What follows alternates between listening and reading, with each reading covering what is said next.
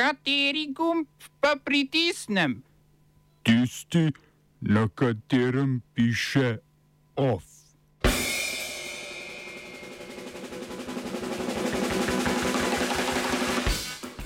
Putin po treh mesecih z novo menjavo poveljnika vojske v Ukrajini.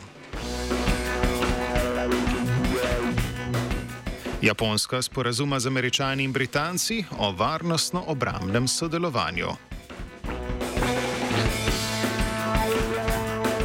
Vrnitev opozicije v Beninski parlament. Luka Mesec napovedal dvig subvencije za študentske bone.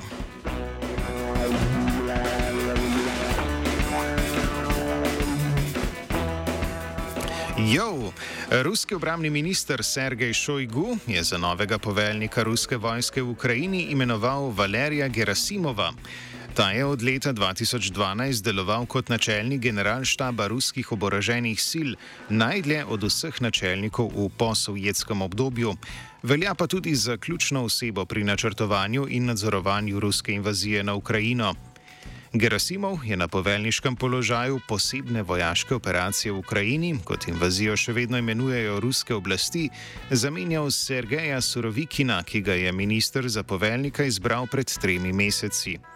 Surovikin bo zdaj kot poveljnik zračno-vesoljskih sil podrejen Gerasimovu, ki mu bosta v poveljstvu pomagala še vrhovni poveljnik kopenske vojske Oleg Saljukov in namestnik načelnika generalštaba ruskih oboroženih sil Aleksej Kim.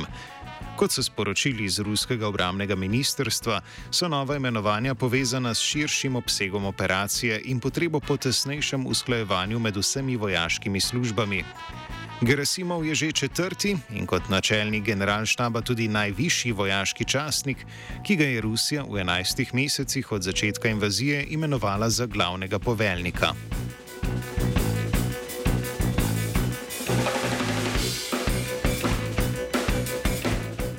Združene države Amerike in Japonska so med obiskom japonskega predsednika Fumija Kishide v Beli hiši zaradi skupnih strateških skrbi glede Kitajske naznanili posodobitev in okrepitev varnostnega sodelovanja.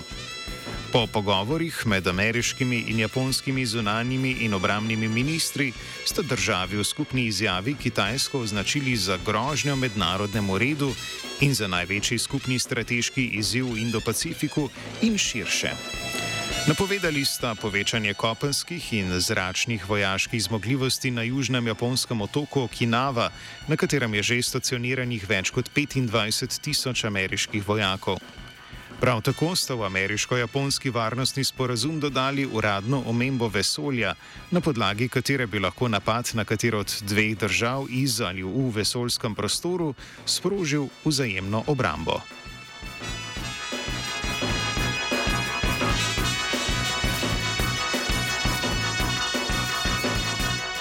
Britanski premijer Rishi Sunak in japonski kolega Fumio Kishida sta podpisala obramni sporazum, ki služi kot pravna podlaga za izmenjavo in namestitev britanskih in japonskih vojakov z namenom usposabljanja skupnih vaj in pomoči v primeru nesreč.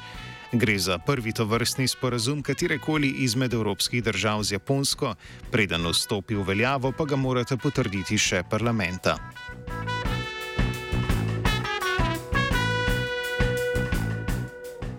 Beninska volilna komisija je objavila neuradne rezultate nedeljskih parlamentarnih volitev. Po štirih letih se v parlament vrača opozicija. Demokrati, največja protivladna stranka, so namreč osvojili 28 poslanskih mandatov v 109-članskem parlamentu. Zmago sta slavila vladajoča republikanski blok in progresivna unija za obnovo, ki sta povezana z deklarativno neodvisnim predsednikom Patrisom Talonom in bosta imela v novem parlamentarnem sklicu 81 poslancev.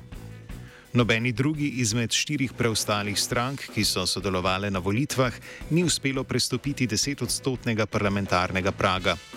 Volilna udeležba je znašala slabih 39 odstotkov. Volilna komisija bo dokončne rezultate objavila predvidoma jutri.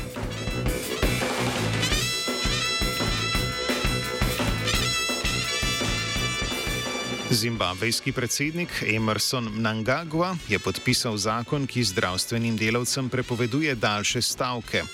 Zdravstveni delavci po novem lahko stavkajo največ tri dni, saj je njihov poklic del kritične infrastrukture oziroma nujnih storitev.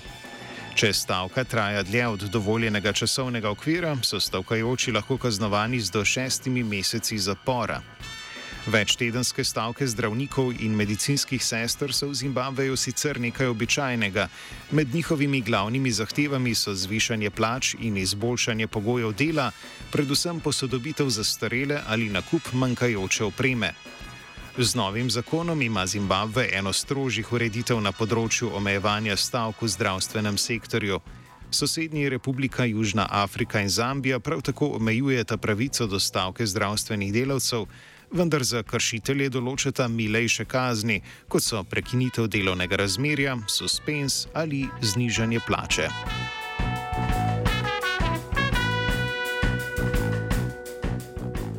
Hrvaški premijer Andrej Plenković je napovedal dve kadrovski rošadi v vladi.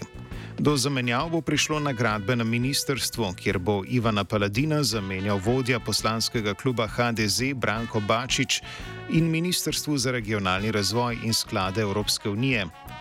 Na mesto Nataše Tramišak bo ponovem ministroval Šime Erlič.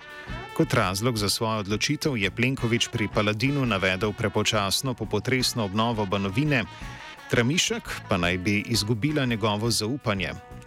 V zadnjih desetih mesecih je v Plenkovičevi vladi prišlo do zamenjave sedmih od skupno osemnajstih ministrov. Smo se osamosvojili, nismo se pa osvobodili. Naslednje število je še 500 projektov. Izpiljene modele, kako so se strani nekdanje LDS rotirali. Ko to dvoje zmešamo v pravilno zmes, dobimo zgodbo o uspehu takemu političnemu razvoju se reče udar. Jaz to vem, da je nezakonito, ampak kaj nam pa ostane? Brutalni obračun s politično korupcijo. To je Slovenija,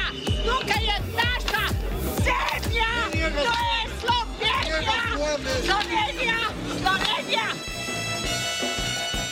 Na Ministrstvu za delo pripravljajo zakonodajo, ki bo dvignila višino subvencije za študentske bone in napovedujejo poostren nadzor nad kakovostjo ponudbe. Zaradi novoletnega zvišanja maksimalne cene študentskega obroka z 7 na 9 evrov in povišanja subvencije za študentske bone z 2,86 na 3,5 evra, se je ministr za delo Luka Mesec sestal s predsednico študentske organizacije Slovenije Marike Grubar. Sprejela sta sklep o pripravi novele zakona o subvencioniranju študentske prehrane, ki bi višino subvencije v dveh korakih dvignila za vsaj en evro, torej sorazmerno z dvigom stroška prehrane za študente. Večina ponudnikov je doplačilo za študentske bone s 4,18 evra povišala na, povišala na 5,5 evra. Subvencija se bo 1. marca zaradi uskladitve z inflacijo dvignila na, za 35 centov, Po redni uskladitvi pa bodo v noveli določili še višji znesek subvencije, ki bo znašal najmanj 4,5 evra. Država je lansko leto za študentske bone namenila 12 milijonov evrov, letos bi se ta vsota ob enakem koriščenju bonov povišala za tretjino.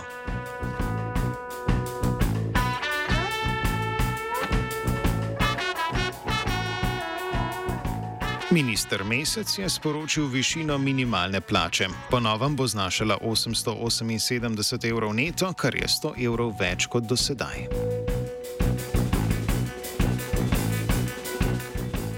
Vlada je parafirala stavkovni sporazum s sindikatom zdravnikov in zobozdravnikov Fides. Sporazum med drugim predvideva razreševanje nekaterih stavkovnih zahtev v ločenem plačnem stebru za zdravstvo v okviru plačnega sistema javnega sektorja. Če ločen plačilni stebr do začetka prihodnega leta ne bo stopil v veljavo, bo vlada plačna nesorazmerja zdravnikov in zobozdravnikov odpravila v ločenih pogajanjih.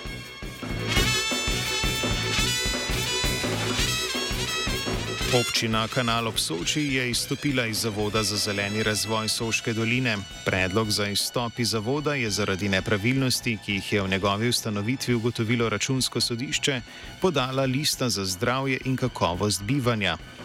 Zavod sta leta 2020 z namenom spodbujanja trajnostnega razvoja in izvajanja strategije energetske transformacije ustanovili občina Kanal ob Soči in cementna družba Salonit Anhovo. Revizija je pokazala, da je bil zavod ustanovljen brez ustreznih javnofinančnih podlag. Računsko sodišče pa je med nepravilnostmi navedlo še nepreglednost postopka ustanavljanja zavoda in neutemeljenost izbire zasebnega partnerja.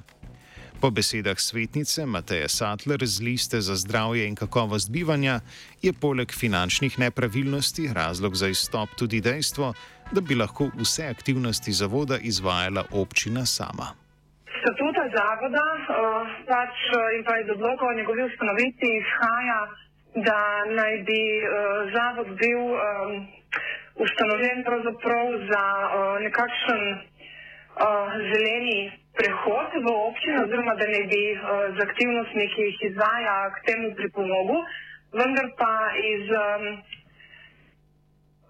poročila o delu zavoda za leto 2021, v bistvu je teh aktivnosti uh, izkazanih uh, zelo malo in aktivnosti, ki, so, ki jih je ta zavod izvajal oziroma ki so pač bile nam dostopne po teh javnih informacijah, torej iz spletne strani in iz uh, poročila, so v bistvu take, da jih lahko izvajajo drugi javni zavodi sami. Recimo, ne vem, neka, uh, izobražev, pač neka izobraževanja oziroma pravzaprav posredništvo pravzaprav med uh, izobraževanji.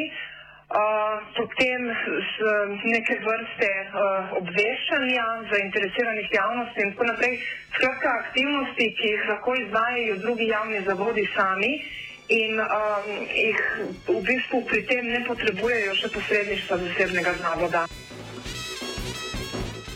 OF je pripravila vajenka Lara, mentoriral je Fabian.